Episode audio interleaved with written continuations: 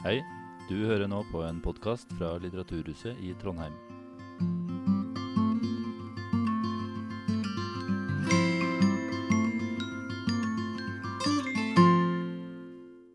Eh, hallo, alle sammen.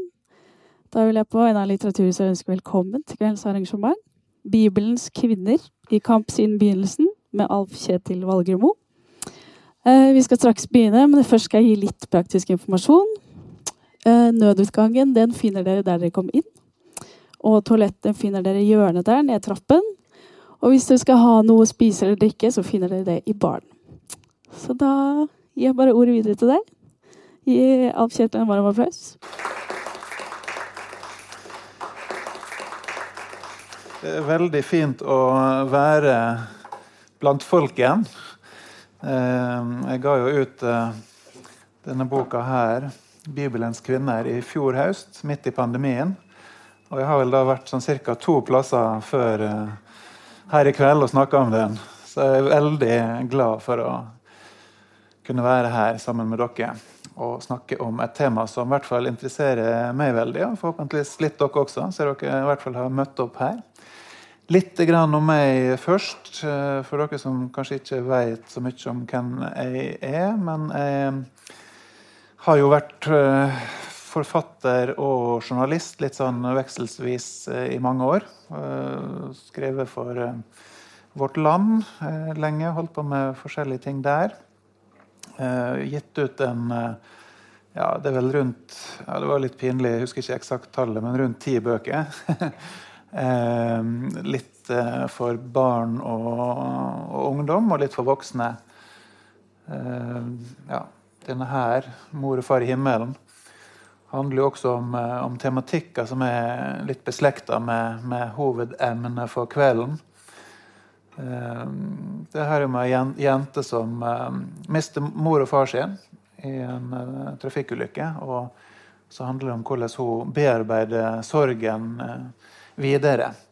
Så Nokså alvorlig tema, egentlig, men som jeg tenker også er fint å skrive om også for, for yngre lesere. og Også fint, en fint um, utgangspunkt når en skal snakke om litt alvorlige tematikker eh, sammen med barn.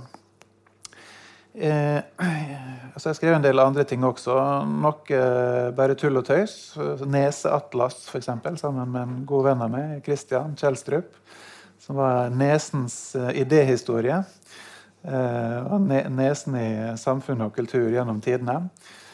Ei en bok om eh, sjiraffer, og ei bok om esel. Og litt om Jesus og Bibelen. Så spennet er vidt. Og De siste åra har jeg brukt eh, eh, kanskje noen vil si uforholdsmessig mye tid, men eh, i hvert fall eh, nokså interessant tid på eh, verdens mest leste bok, eh, Bibelen. Og Det er jo en bok som eh, selvsagt er veldig viktig for, eh, for mange truende, som er fundament for, eh, for trua, men det er også samtidig veldig interessant litteratur. Eh, verdenslitteratur i, i, i høyeste grad.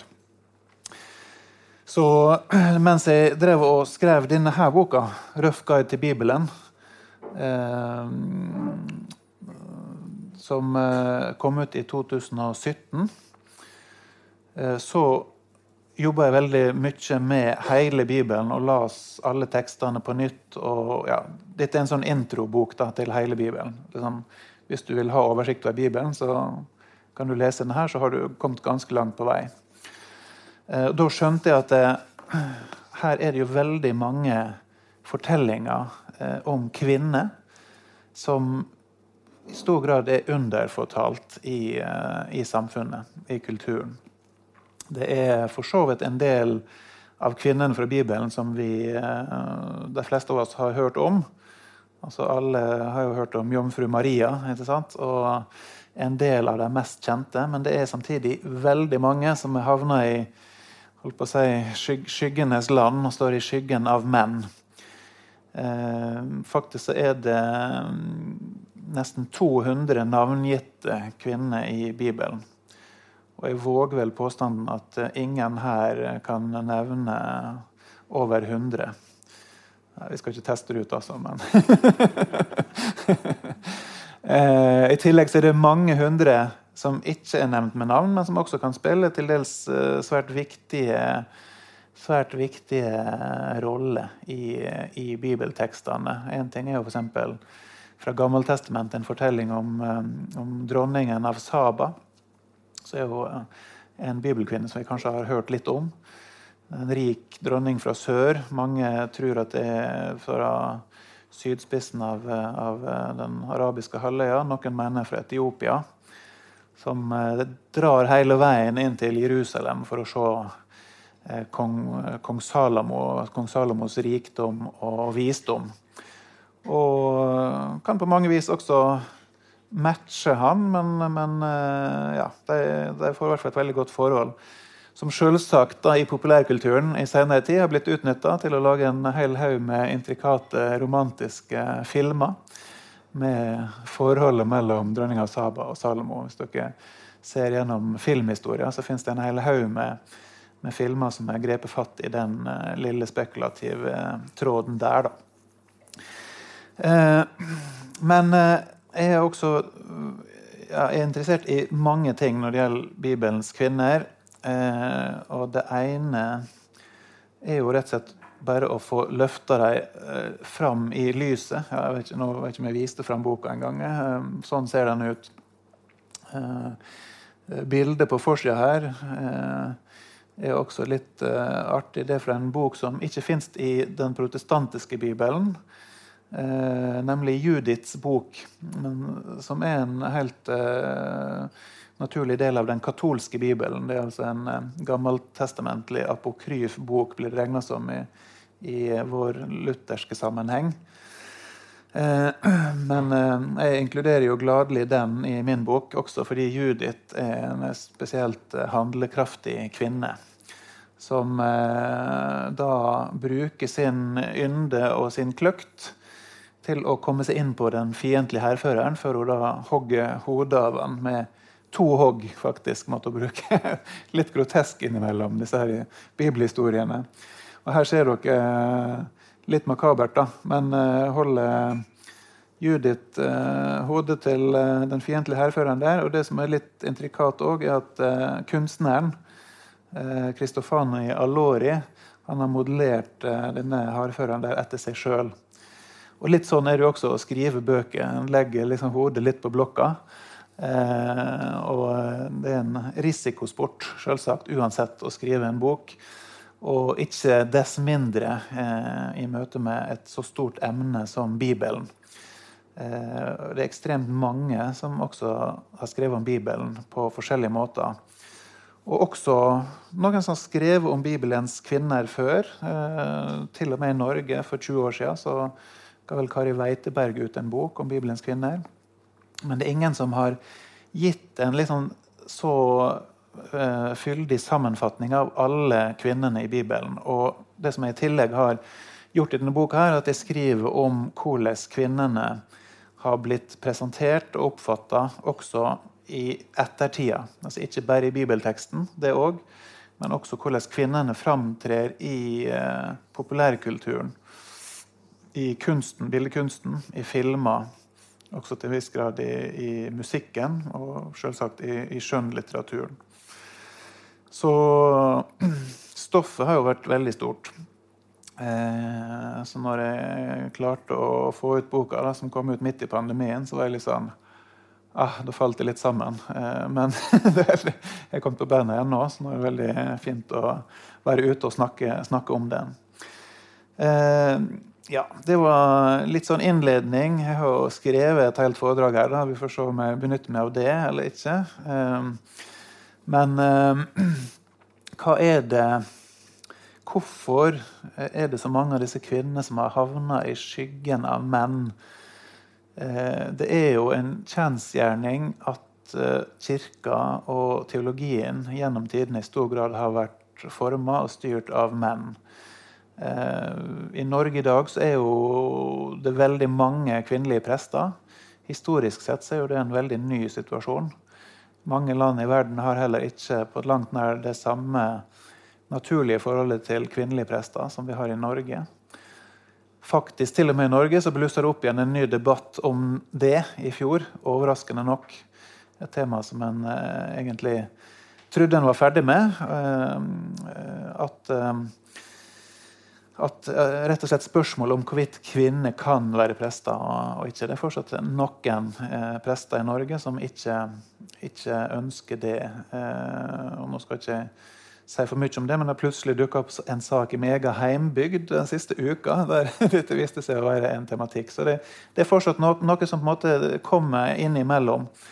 Og det forteller meg at desto viktigere å, å vise fram hvor sentrale rolle kvinnene har spilt i hele det bibelske materialet, eh, også som ledere eh, i, i eh, både gammeltestamentlig sammenheng og også svært sentrale brikker i Det nye testamentet.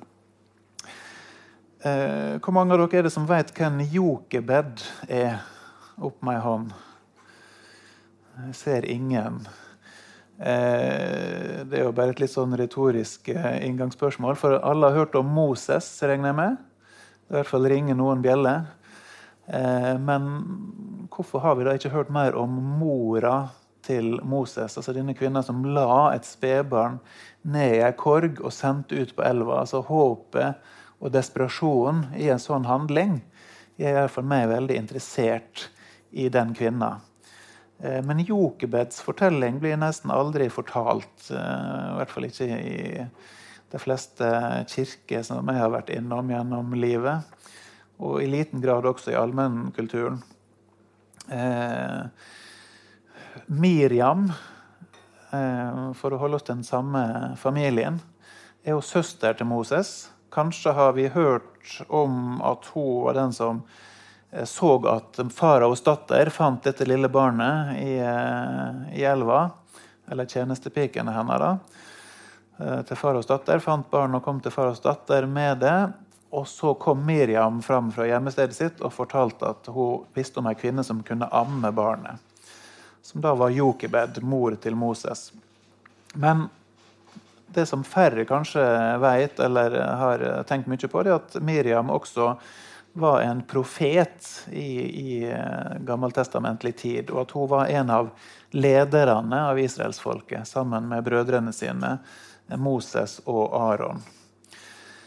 Eh, så Miriam også husker vi på en måte med ja, vi, vi, husker ikke hele Miriams historie, tror jeg. Og litt av grunnen til det er jo faktisk en litt uheldig episode eh, fra Mosebøkene, der det viser seg at Miriam på et tidspunkt også kritiserte Moses. Eh, og Moses tok nok dette her litt ille opp. Han tålte ikke å bli kritisert av søstera si. Så Miriam fikk straff hun eh, ble plassert utafor leiren, der hun måtte oppholde seg i flere dager. Og fikk vel tillegg en hudsykdom. Eh, sånn at nei, Kvinner ble liksom plassert på sidelinja idet hun opponerte mot den mannlige makta. Og det er jo litt symbolsk bilde da, på hvordan det har gjentatt seg en del ganger gjennom historia. Eh, hvor mange har hørt om Hulda? ja, Jeg skal ikke plage dere hele kvelden med sånne bibelkvinner som ingen har hørt om, altså, men det, det, er bare nok en gang for å understreke et poeng. Hulda er jo en annen av de egentlig svært viktige profetene i Gammeltestamentet. Eh, og Grunnen til at vi ikke har hørt om henne, er jo fordi hun levde på samme tid som Jeremia. Og Jeremia han har jo sin egen bok han i Bibelen. Han nevner jo selvsagt ikke Hulda med ett ord. Eh, det kan være fordi det var faktisk Hulda som ble tilkalt av kongen når kongen trengte råd i en viktig sak. Det var ikke Jeremia som han sendte bud etter da, eh, men tvert imot Hulda. Eh, de hadde funnet igjen en bokrull, en eldgammel bokrull inn i tempelet, som de forsto plutselig at oi, her står det noe om hvordan vi som folk skal oppføre oss. Dette her har ikke vi fulgt helt til punkt og prikke.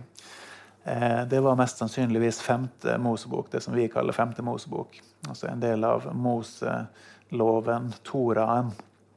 Eh, og det var Hulda som på en måte da eh, ble tilkalt for å ta et blikk på denne teksten, og hun kunne på en måte verifisere at dette her er Guds ord. Så Hulda er jo en av de første da, som kanoniserer det som har blitt en del av vår bibel. En meget myndig dame som heller ikke kvidde seg for å eh, snakke nokså direkte til kongen. Det var ingen underdanig profet vi hadde med å gjøre der. Sannsynligvis så kan det jo være at Jeremia mm, Det kan jo være flere ting. Altså Jeremia er jo kjent for å klage mye. Hvis dere kjente ordet jeremiade, klagesang. Så han var jo en konstant eh, Jeg vet ikke om det er lov å bruke ordet 'pain in the ass' i bibelsammenheng, men dere skjønner hva jeg mener. Og for eh, kongen. Eh, og hadde stort sett bare dystre profetier. Så det kan jo også være at han håpte på å få en litt mer positiv profeti fra Hulda. Eh, det kan hende at det var andre ting, men iallfall Hulda sin rolle er bare skrevet inn i noen små setninger i, i kongebøkene. Så, eh, mens hennes reelle, hennes reelle, betydning egentlig er, er, langt større. Eh, jeg har lest Bibelen siden jeg var ja, sju år gammel. tror jeg fikk en, en bibel på søndagsskolen.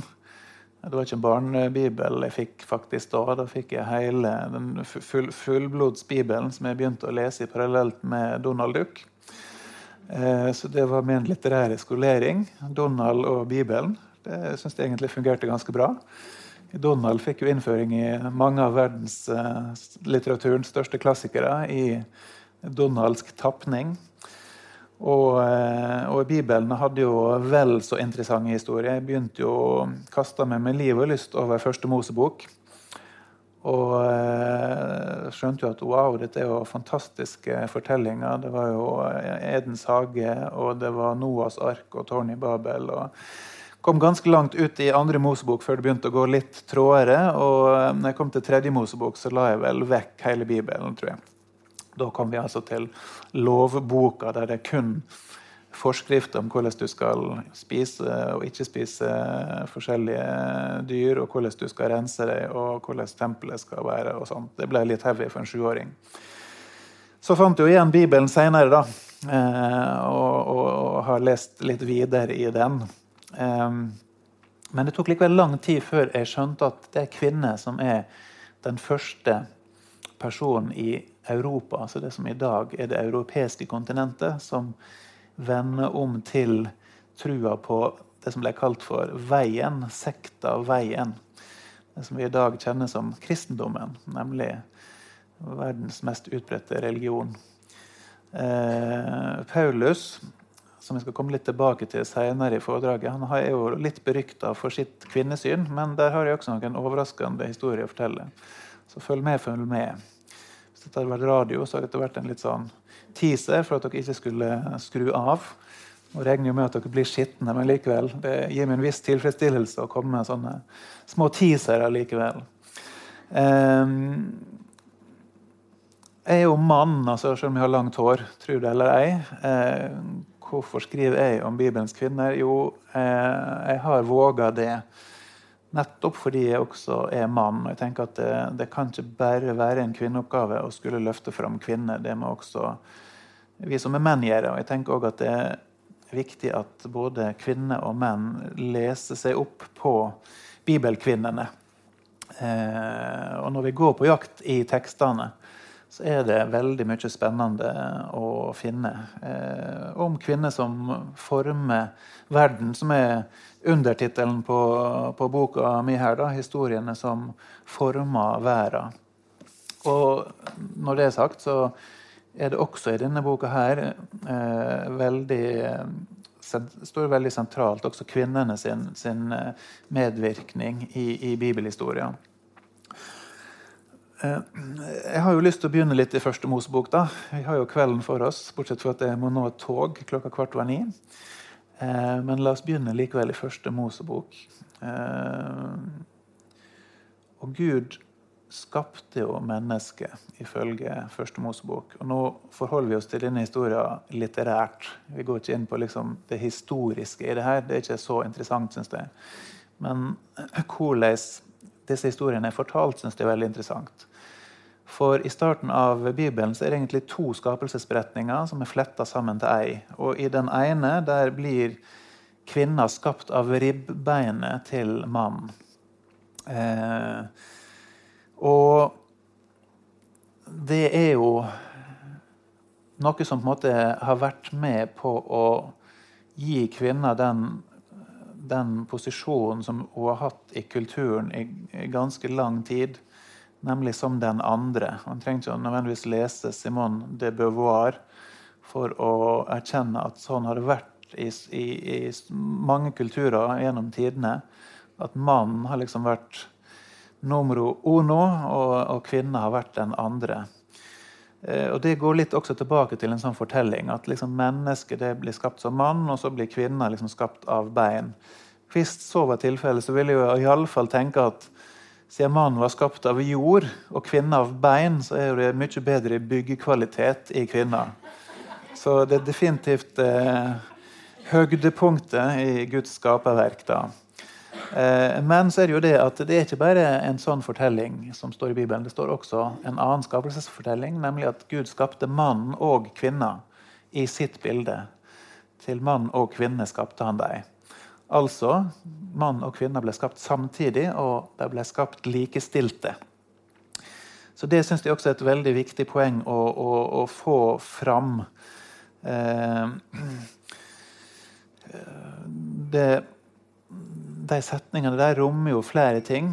Eh, det rommer jo også det at Gud skaper både mann og kvinne i sitt bilde. Nå skal ikke vi begynne å snakke så mye om Guds kjønn-debatten i kveld. Det blir en egen, litt stor debatt. Eh, og Gud er jo uansett heva tror jeg, over, over uh, våre kjønnskategorier. Uh, men at mann og kvinne ble skapt samtidig og er likestilt, er et veldig vesentlig poeng som jeg mener bør klinge veldig tydelig fra starten av, eh, mer enn det at eh, kvinner skulle være skapt av mannen. Historien om det forbudte treet, den forbudte frukta i Edens hage, det er jo en historie som jeg tror de aller fleste av oss kjenner. Eh, det er en fortelling som ikke bare er kjent for de som går i kirka hver søndag, men eh, en veldig kjent fortelling i allmennkulturen. Eh, det står riktignok ikke i Bibelen om at det var et eple som ble gnaska litt på, men en frukt. Det kan også ha vært et eple, for det står ikke noe om hva slags frukt det var.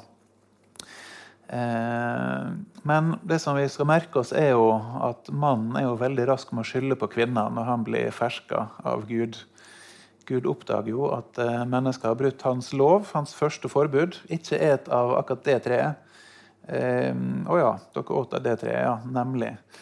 Eh, kvinna som du gav meg å være sammen med, hun gav meg av treet, og jeg åt. Sånn heter det i den nye, nye norsk omsettinga i Bibelen. Så Sånn var det altså fra starten av. Eh, og Dessverre har også mange fortolkere gjennom tidene tenkt som Adam, at det er Eva som er den skyldige. Og Bibelfortellinga om syndefallet, da, som det gjerne heter i den kristne tradisjonen, har dessverre også gitt opphav til nokså grufulle forestillinger om kvinner som en portal for det vonde. Det er ganske grotesk å tenke på i, i dag i vårt moderne samfunn, men, men dette ligger jo bl.a. til grunn for hekseprosessene i, i middelalderen.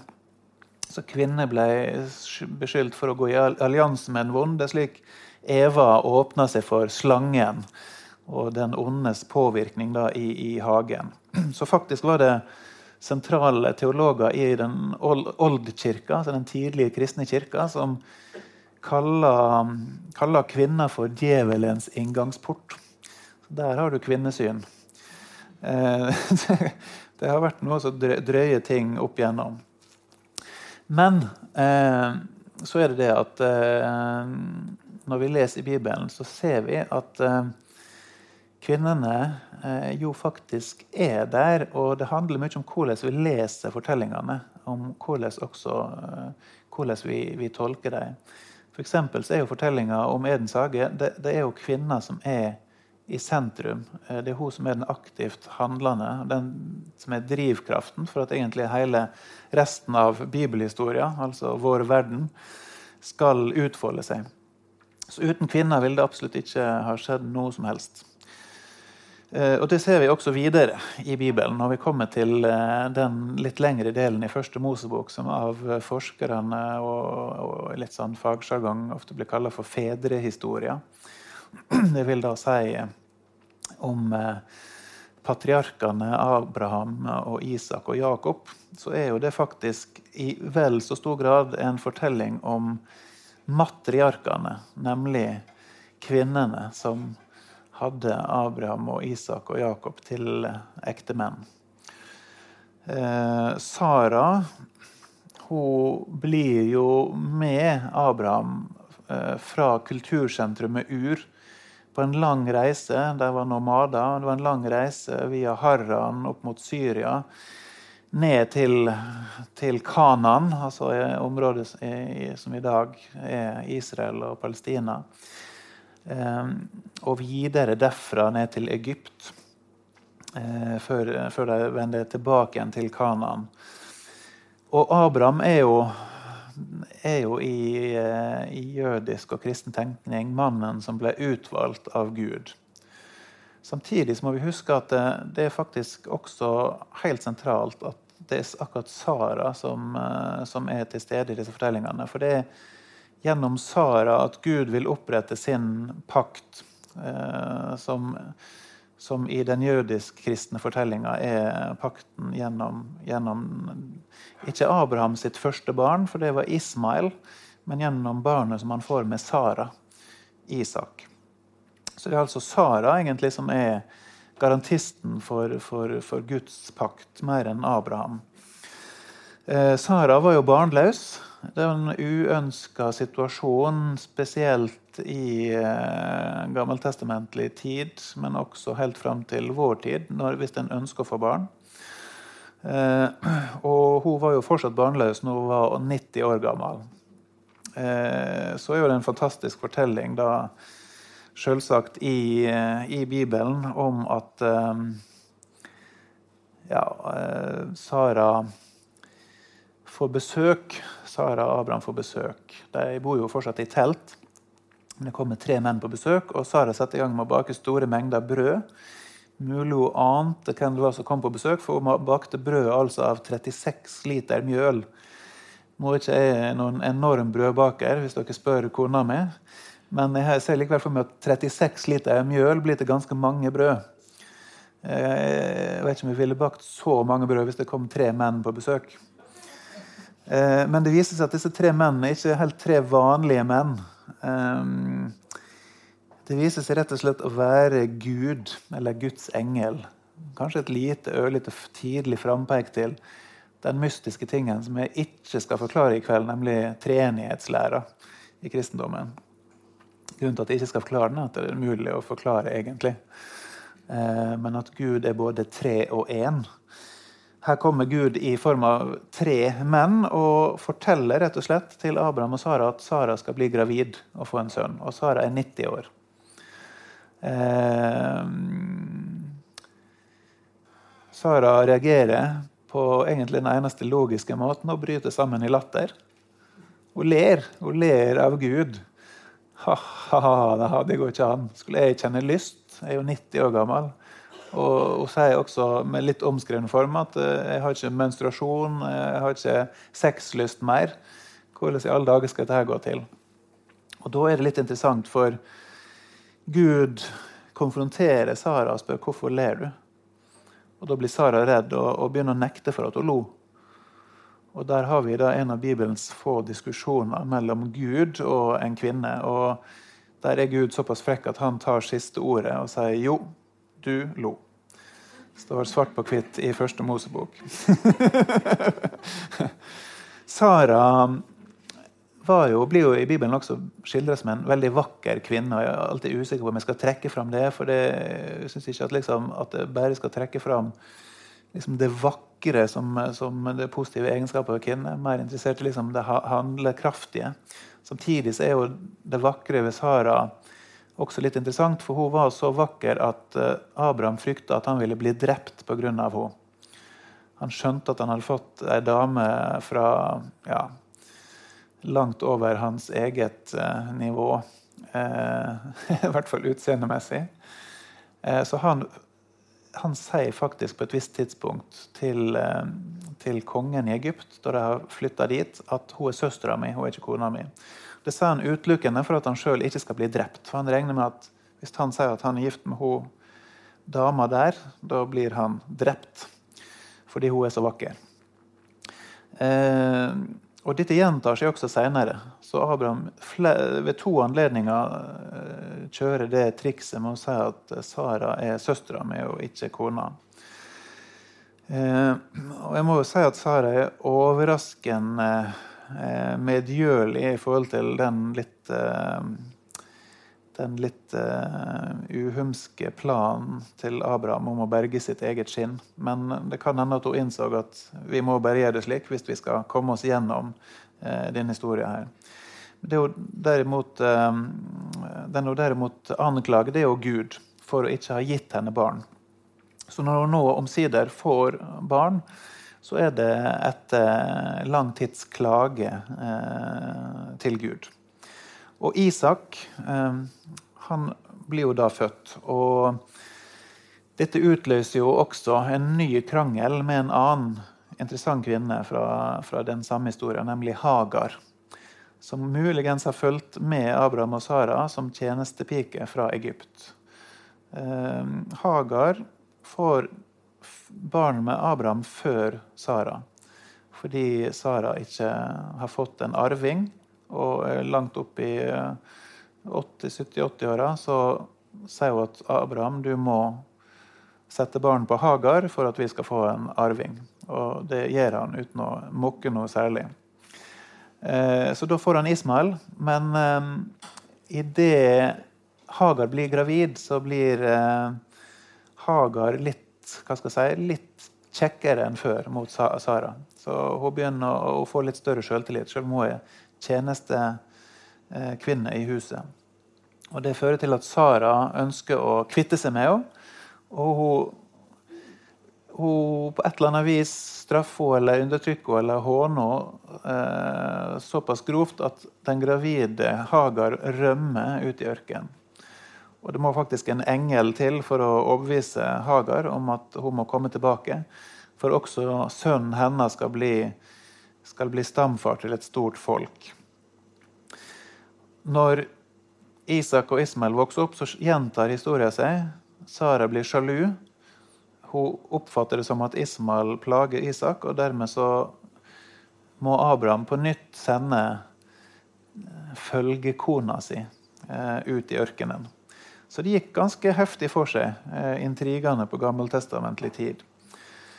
Men når Isak er født og Isak blir voksen, så er det like mye Rebekka som er den sentrale personen i fortellinga. Eh, Isak utmerker ikke seg i noe stor grad, men det gjør definitivt kona hans. Eh, en ting er at Det lengste kapittelet i første Mosbok handler om, om, hvordan tjeneren til Abraham og, og Isak drar til landet Harran for å, for å finne Rebekka. Og Rebekka er da nokså ung men veldig eventyrlysten og klar til å gifte seg. Så hun kaster seg opp på kamelene og rir mot brudgommen. Eh, på tross av at mor hennes skulle ønske at hun kunne bli hjemme noen dager ekstra for å ta farvel. Men når Rebekka vokser opp eh, For eh, det står i Bibelen at de, de elska hverandre. De hadde et veldig godt forhold. Men når Rebekka vokser opp, så blir hun også en, en renkesmed av dimensjoner. Det er hun som står bak det at Jakob, den ene av tvillingsønnene hennes, lurer til seg velsignelsen fra Esau, som er den førstefødte av tvillingene. Og Velsignelsen det var noe stort i gamle dager. Det var liksom den som skulle føre pakten videre. Knytta seg også rikdom til en sånn spesiell eh, utvelgelse. Så Esau blir jo fortvila når han skjønner at Jakob har lurt fra han velsignelsen. Og Det er jo Rebekka som har klekka ut hele planen, fordi hun liker Jakob best. Og Grunnen til det er at Jakob er mer heimekjær. Så han hjelper mor si mer hjemme i telta, mens Esau hele tida er ute på jakt. Så hun ber eh, Jakob om å ta et kje Og så koker de det og lager en velsmakende rett av det, mens Esau er ute for å skyte viltkjøtt til, til far sin. Og så legger hun eh, skinnet i ragget av kjeet på halsen og hendene til Jakob, sånn at han skal eh, kjennes hårete ut. For Forskjellen på disse to brødrene er at Esau er hårete, mens Jakob er da mer eh, ja, glatt i huden. Og De klarer jo å lure Isak, som er, på dette tidspunktet er blind og gammel. Og Det er Rebekka som eh, har hele regien på, på denne historien. Um, så er det neste slektsledd igjen. Eh, for Jakob han må rømme for ikke å bli drept av bror sin, Esau. Det fins jo et annet brodermord i Bibelen også, som er, står på Bibelens første side, nemlig når Kain slår i hjel Abel. Og Jakob er veldig redd for at Esau skal slå han i hjel. Og det er nok en gang Rebekka som klekker ut planen for å sende Jakob av sted for å finne seg ei kone. Og Da kom han til en fyr som heter Laban. Og Laban er jo et ord vi drar kjensel på fortsatt, selv om det ikke er verdens mest brukte skjellsord i dag. har jeg på følelsen av så gjenkjenner vi det antageligvis som, eh, som et, et skjellsord eller som en, en, eh, karakteristikk som ikke er utelukkende positiv. Din Laban er ikke noe som Å, tusen takk. Eh, Laban er rett og slett en, en lurendreier. En skikkelig skurk. Og grunnen til at det har blitt slik, er jo at Jakob møter på den vakre igjen, da, Rakel og blir forelska i henne og ønsker å gifte seg med henne. Og ber da, sånn som skikken var, eh, Rakels far om hennes hånd. Og faren, det er jo Laban.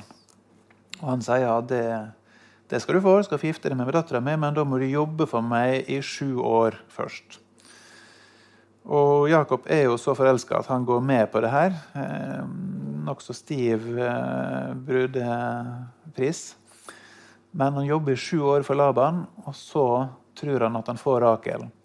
Men da har Laban leda den eldste dattera si, Lea, inn i teltet til Jakob om natta. Der det da må være stummende mørkt, sånn at Jakob ikke oppdager før dagen etterpå at han har fått feil kone. Og Han blir jo frustrert, selvsagt.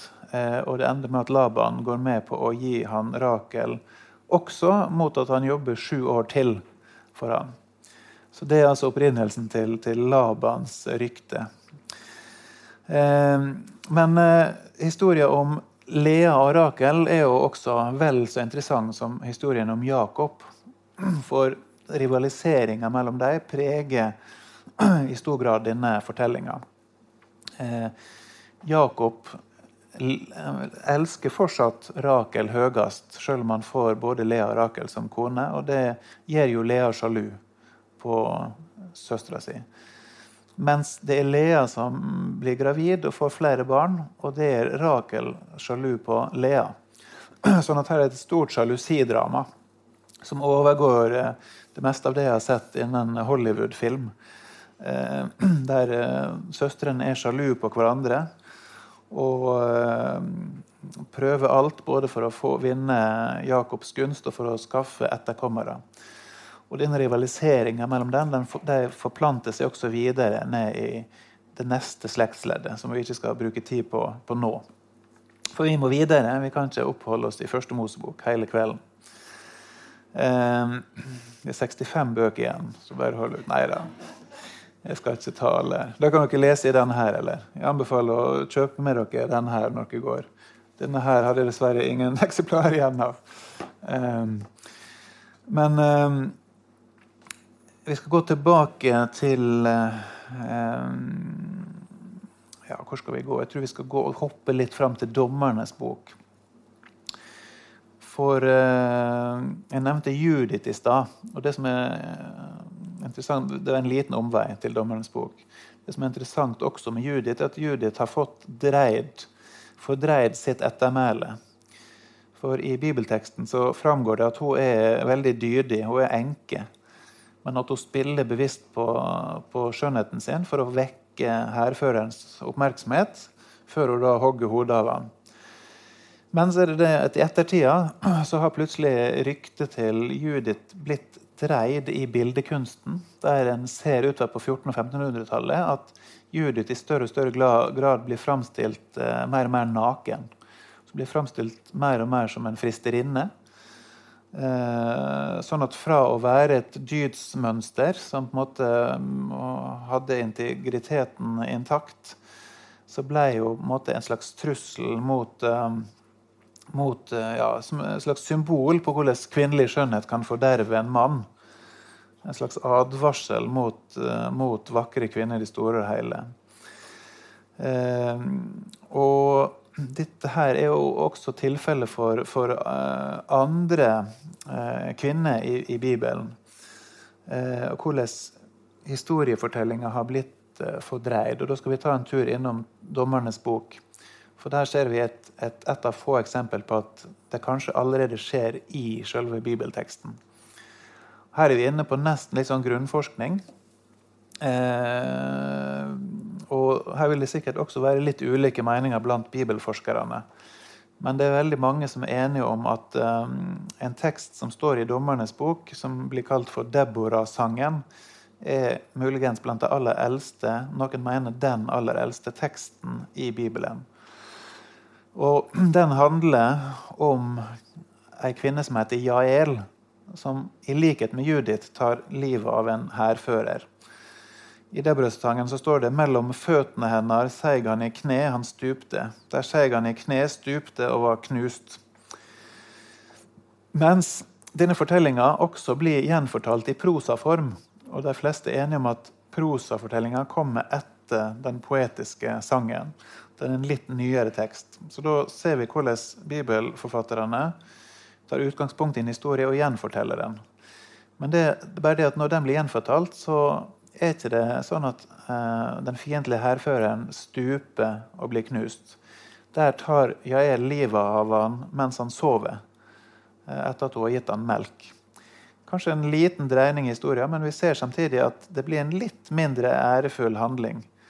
Fra å uh, konfrontere hærføreren ansikt til ansikt og ta livet av han så han stuper, så stikker hun dolken i han etter at han har sovna kan da se ut som at eh, de bibelske forfatterne har nedvurdert litt grann Jaels heroiske innsats. Um, ei anna kvinne som blir utsatt for et tilsvarende ryktesverting som Judith, er jo Batseba. Batseba uh, har dere muligens hørt om, og hvis dere ikke har hørt om Batseba, så har dere iallfall hørt låten 'Halleluja' av Leonard Cohen, og spilt uh, til det uendelige av ulike artister. Ikke minst uh, de nye gitarkameratene som var med i Idol.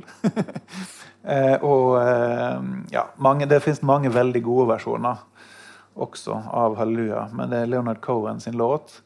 Og der går det bl.a. slik ja, Nå skal jeg ikke synge den, men uh, You saw her bathing on the roof, her beauty in the moonlight overthrew you. Den, den setninga er om henta fra fortellinga om Batseba i, i uh, Det gamle testamentet. Det er altså kong David som får øye på Batseba mens hun bader. Og henter denne kvinna til slottet, selv om hun er gift, og har sex med henne. Eh, og Batseba kunne nok ikke si nei uansett eh, om hun ønskte eller ikke ønskte det. Og i likhet med Judith så ser vi hvordan kunstnerne utover på 1400- og 1500-tallet framstiller Batseba i større og større grad som en forførerinne. Den som på en måte frister kong David. Det er ikke kong David som ugjerningsmannen her, det er Batseba som har lokka han til det. Det er jo helt stikk i strid med bibelfortellinga, som nemlig lager et poeng ut av at David har handla galt. Kongen har handla galt.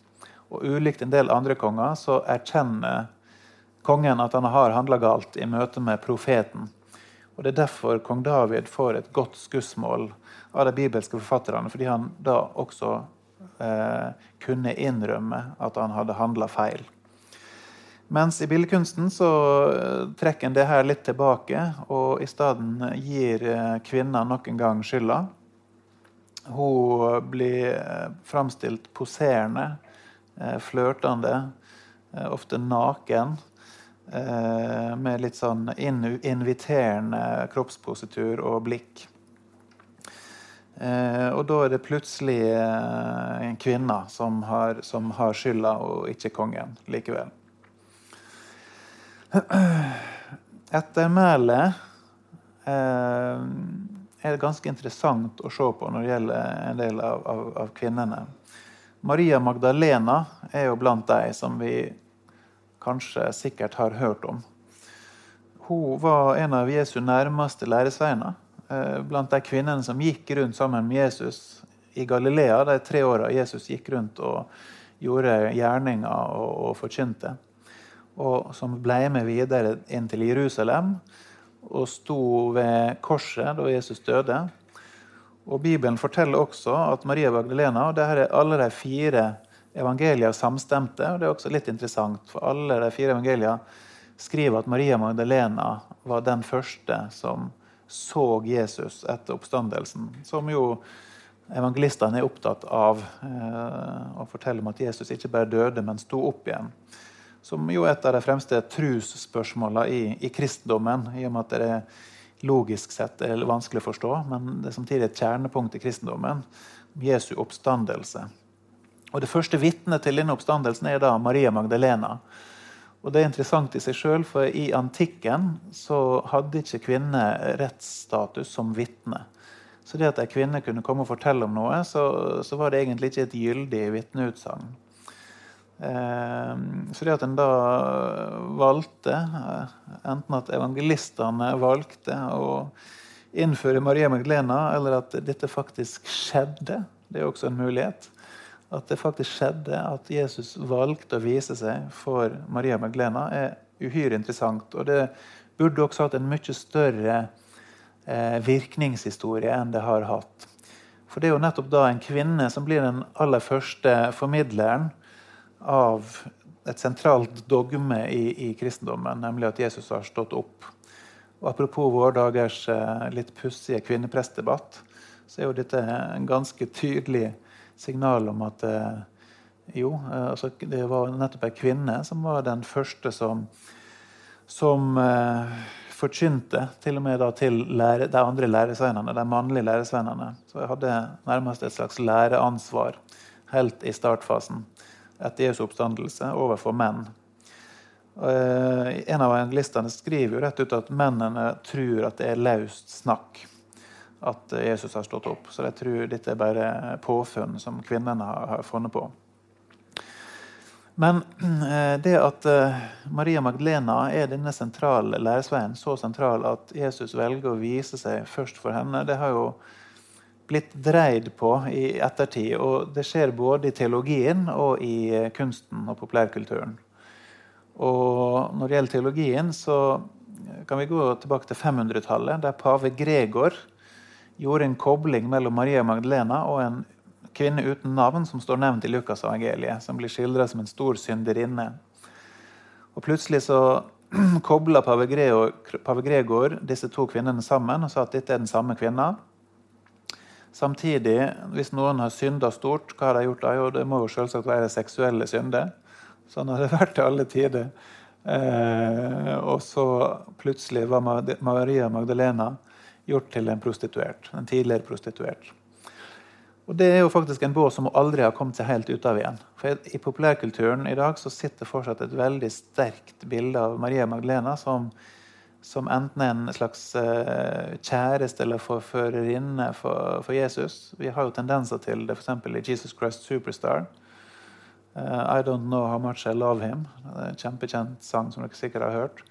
Uh, Martin Scorsese sin film 'Jesus siste fristelse', som er bygd på Kasantzakis bok. der er det jo Maria Magdalena som utgjør Jesus' siste fristelse. Og selvsagt også hos Dan Brown, røverromanen som kanskje mange har lest. Jeg også har lest den, altså. Da Vinci-koden. Der er det jo nettopp uh, denne litt sånn spekulative tanken om at, at, Maria Magdalena var Jesu kjæreste, og de kanskje fikk barn sammen, og alt det, som uh, ligger i bunnen av fortellinga. Men i bildekunsten så ser vi også da hvordan kunstnerne i økende grad framstiller Maria Magdalena som en lettkledd, men angrende kvinne. Altså Den botferdige Magdalena, et veldig sentralt motiv i bildekunsten. Og da hele, hele bakgrunnshistoria for det er da at okay, Maria Magdalena har vært leddkledd, eh, altså prostituert kanskje, og um, har nå kommet inn på et nytt spor og fått uh, tilgivelse av Jesus, eller gir bot for å få tilgivelse. Uh, så dette er litt interessant å merke seg hvordan hele den Maria Magdalena-fortellinga har, har, blitt rett og slett litt vridd på. Det samme kan gjelde litt hvis du ikke bare går i det feltet der, men ser litt på ei kvinne som Martha. Så syns jeg at det er veldig spennende. For Martha og Maria er jo sagt to av kvinnene i evangeliet som blir presentert som vennene til Jesus. Ellers er de jo stort sett etterfølgere og læresvenner osv. Men Martha og Maria fra Betania de er venner av Jesus. Eh, de søstrene også til Lasarus. Så disse tre er søsken. Eh, Maria, Martha og Lasarus. Lasarus har vi jo kanskje hørt om, de fleste av oss. En mann som da ble vekt opp fra de døde. Eh, og også gjort til gjenstand for David Bowies siste album. Men Martha er det kanskje ikke så mange som forbinder mer med enn at hun var den som styrte og stelte i huset når Jesus kom på besøk. Det er nemlig en fortelling som har prega oppfattelsen av henne sterkt. Det er en kort fortelling om at Jesus kommer til Maria Martha. Maria setter seg ved føttene hans for å høre hva han har å si, mens eh, Martha ordner og styrer i huset og irriterer seg over at Maria ikke hjelper henne. Når Martha tar dette opp med Jesus, kan ikke du be Maria om å hjelpe meg, så irettesetter Jesus henne og sier at Maria har valgt en gode del, og den skal ikke tas ifra henne. Dette har jo da ofte blitt tolka som at eh, de åndelige syslene er mer høgverdige enn eh, de verdslige. Altså I den forstand at det kontemplative livet er viktigere enn det arbeidslivet. Så Martha sin tjenestevillighet og egentlig helt sentrale innsats for at dette besøket skulle bli eh, en suksess, har vært litt nedvurdert. Men i tillegg så ser vi at det er ikke slik at Martha er den som ikke bryr seg om det Jesus har å si. Tvert imot så ser vi av andre tekster i, i Bibelen at Martha kanskje er den mest åndelig modne av de to søstrene. For Det er nemlig Martha som kommer med en bekjennelse i evangeliet som er ganske sentral. Nemlig at hun sier til Jesus at hun tror at han er Messias, altså den som skulle komme. Frelseren som skulle komme. Guds sønn. Og Det er nesten samme ordlyden som når Peter, disippelen Peter sier det samme til Jesus. Og Når Peter sier det, så får han i oppdrag å være fundamentet for hele den kristne kirka. Så Det er litt spennende å tenke seg at eh, Jesus hadde svart Martha det samme. Da hadde vi hatt en 2000 år lang tradisjon med kvinnelige prester og biskoper og paver. Kanskje hadde til og med Peterskirka i Roma hett Martakirka. Det blir jo bare kontrafaktisk historieskriving. Men det er viktig å, å eh, trekke fram dette aspektet også ved Martha. Hun er ikke bare en, en, en, kvinne som jobber i huset. Faktisk, eh, Hvis dere har fulgt med på The Handmaid's Tale, så bruker Margaret Atwood også ordet 'Marthas' om sånne tjenestekvinner i kommandørheimene. Eh, så det, det, er på en måte Martha Martha-fortellinga fra Bibelen den er veldig assosiert med liksom, dette husarbeidet. Eh, men, det, men Martha er altså så mye mer også enn en det. Eh, nå har jeg jo trukket frem en del liksom negative historier om hvordan interessante kvinner har blitt eh, kanskje misoppfatta og presentert på andre måter i ettertid, men det er jo likevel sånn at de positive trådene i Bibelen overgår den negative Eh, i stor grad også når det gjelder eh, kvinner. Det handler bare om måten vi leser tekstene på. Og det trer fram et veldig mangfoldig bilde av sterke, handlekraftige kvinner i, i Bibelen. Som er mødre, døtre, søstre, eh, profeter, prostituerte for den del, gudfryktige kvinner. Skruppelløse kvinne, og det er jomfrue og 90 år gammel eh, førstegangsfødende, og det er hekse.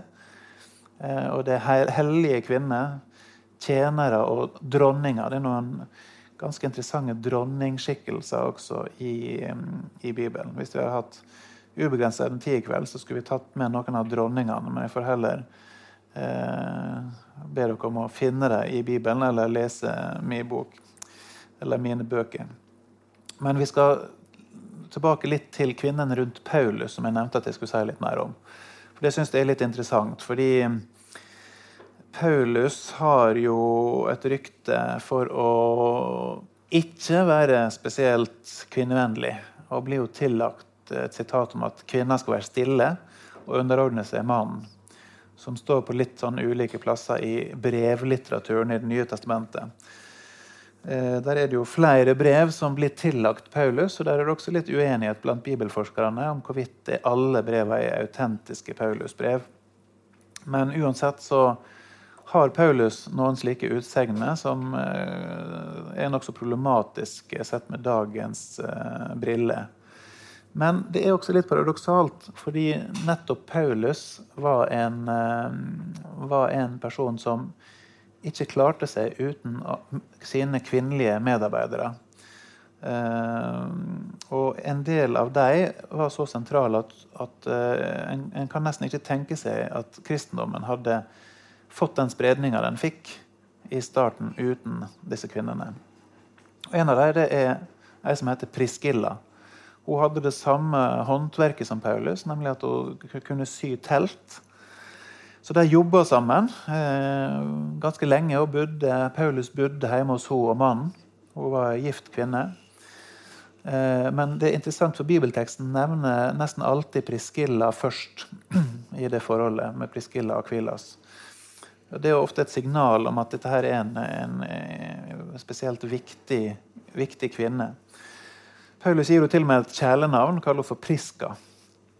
Eh, Priskilla og Akvilas de, har, de, er sannsynligvis velstående. De har i hvert fall et stort nok hus til å romme både langtidsbuende gjester, og de kan også ha Eh, menigheten hjemme hos seg sjøl. De arbeider på, på, et tidspunkt i Roma, i den romerske hovedstaden. Men må ifølge bibelteksten rømme derfra eh, fordi det ble økende forfølging av, av, eh, av de der. Eh, det som vi skal merke oss, det at eh, eh, Priskilla ikke bare driver med, med sying og tekstiler. Eh, selv om det ikke bare bare. Faktisk har jeg tenkt å begynne å sy sjøl. Eh, det var helt apropos. Men eh, jeg har blitt veldig hekta på sying i det siste. Ikke, nei, nå må jeg passe meg så jeg ikke sporer av. Eh, men eh, Priskilla er ikke bare da veldig god å sy, også veldig kunnskapsrik. For vi ser ut fra bibelteksten at eh, hun er med på å lære opp en annen viktig forkynner i den første kristne kirka, nemlig en som heter Apollos. Vi skal ikke gå så veldig nøye inn på det, for kan det bli litt sånn eh, tørt og teknisk. akkurat det, Men det som er interessant, er at da er det Priskilla som er en lærer og underviser av en av de fremste forkynnerne i den tidlige kristne kirka. Det rimer nokså dårlig med at Paulus skal ha forbudt kvinner med å drive med denne type virksomhet. Eh, og Priscilla hun drar også tilbake igjen til Roma. Eh, og blir eh, viktig for den kristne menigheten i Roma. En film som faktisk har fanga opp akkurat dette aspektet. En, en, film som kom for tre år siden, som heter 'Paul, Apostle of Christ'. Som, som faktisk på en litt ok måte skildrer Priskilla sin betydning for den, for den kristne menigheten. Selvsagt med litt kunstnerisk frihet, men også ut fra antydninger og, og, og hint som vi kan finne i, i bibelteksten. Eh, Priskilla har på et tidspunkt også berga livet til Paulus. Og det vet vi umulig å vite hva slags hendelse det er snakk om, men Paulus var jo faktisk nokså ofte i fare. Eh, I hvert fall hvis en skal tro hans egne beretninger i brevene sine, så var han flere ganger døden nær. Men en av disse gangene så er det Priskilla som har berga han fra livet. Så Paulus skylder Priskilla ikke bare sitt vennskap, men også sitt liv. En liten teori som jeg har sjans for, det er at det er Priscilla som er forfatteren av det anonyme hebreerbrevet. Eh, Martin Luther mente jo at det kunne være Apollos som hadde skrevet det brevet. Men det var tross alt Priscilla som lærte opp Apollos. Så det er en teori, men eh, en litt, en litt artig teori som jeg har litt sans for. En annen av de viktige kvinnene jeg nevnte så vidt innledningsvis, Lydia, den første kristne i Europa. Hun drev med hun drev med purpurtøy, eh, som var et veldig sånn eksklusiv vare på denne tida. Det var mye kongelige og rike folk som, som eh, bestilte purpurtøy. Så hun også var sannsynligvis rik og hadde også et stort hus. Eh, så etter at hun blir døpt så blir liksom eh, den første i menigheten i, i, i Filippi, så samles menigheten etter hvert som blir større og større, hjemme hos henne. Og Det viser seg også at eh, filipperne eh, senere er blant de viktigste støttespillerne til Paulus for å understøtte han økonomisk, sånn at han kan fortsette misjonsvirksomheten sin. Så uten Lydia så, så, ville det kanskje vært rett og slett vanskelig for Paulus å dra omkring sånn som han gjorde i, i den første kristne tida. Det er jo Paulus som i nesten like stor grad som Jesus, eh, som har forma den tidlige kristendommen. Og uten Paulus så ville ikke, ville ikke kristendommen spredd seg så raskt som han gjorde i, i starten, det første, første hundreåret etter, etter Jesu fødsel. Så ja, det var bare noen små smakebiter på, på alt det Bibelen har å by på av interessante kvinnefortellinger. Jeg kunne, jeg kunne sittet her sikkert uh, til midnatt og, og, og, dratt historie, men uh, noe må dere jo også lese sjøl. Så, så um, jeg håper at det gir mersmak. For det, det, er, så fort en begynner å legge merke til det, så blir det bare mer og mer interessant. Man kan også bare se på um, Hvis en virkelig begynner å fordype seg, så kan en til og med gå inn og se på litt sånn finesser ved språket som viser at faktisk så er kvinner nesten vel så viktig og mer viktig enn en mann. Eh, hvis vi går tilbake enn der vi starta, i første Mosebok, så ser vi jo at mannen ble skapt av støv. Eh, støv er du, til støv skal du vende tilbake, sier Gud til Adam. Og dette er jo det, det som fortsatt klinger med i våre dagers begravelsesritual. Eh, av jord er du kommet, til jord skal du bli. Eh, og det hebraiske ordet for mann eh, er jo avleda av ordet for jord og støv. Eh, Adama. Men det hebraiske ordet for, for, for Eva det henger sammen med betydninga å leve og puste. Så Adam og Eva, når, når vi får høre i, i, på Bibelens første side at, at Gud skaper Adam og Eva, så er det egentlig at han skaper menneske av støv som får liv. Og uten Eva, livet, eh, livgiveren, som det også betyr, så ville ikke denne skaperhandlinga vært komplett. Eh, så vi skylder Eva alt, som jeg liker å si. Det er kvinner som skaper menneskets historie. Og historien om Bibelens kvinner det er historien om oss. Så det var litt om uh, dette her mangslungne feltet som jeg har uh, brukt en god del tid på de senere åra på å jobbe med. Uh, og jeg tenker jeg skal sette strek for foredraget her. Men hvis noen som har noen spørsmål, så tar gjerne de, tar gjerne de før, før, vi tar litt sånn friere mingling. Og hvis noen eventuelt vil kjøpe bøker, så er det noen med, med utgangen der som jeg godt kan signere. og sånt. Men eh, jeg tror jeg, avslutter her. Så, tusen takk for meg.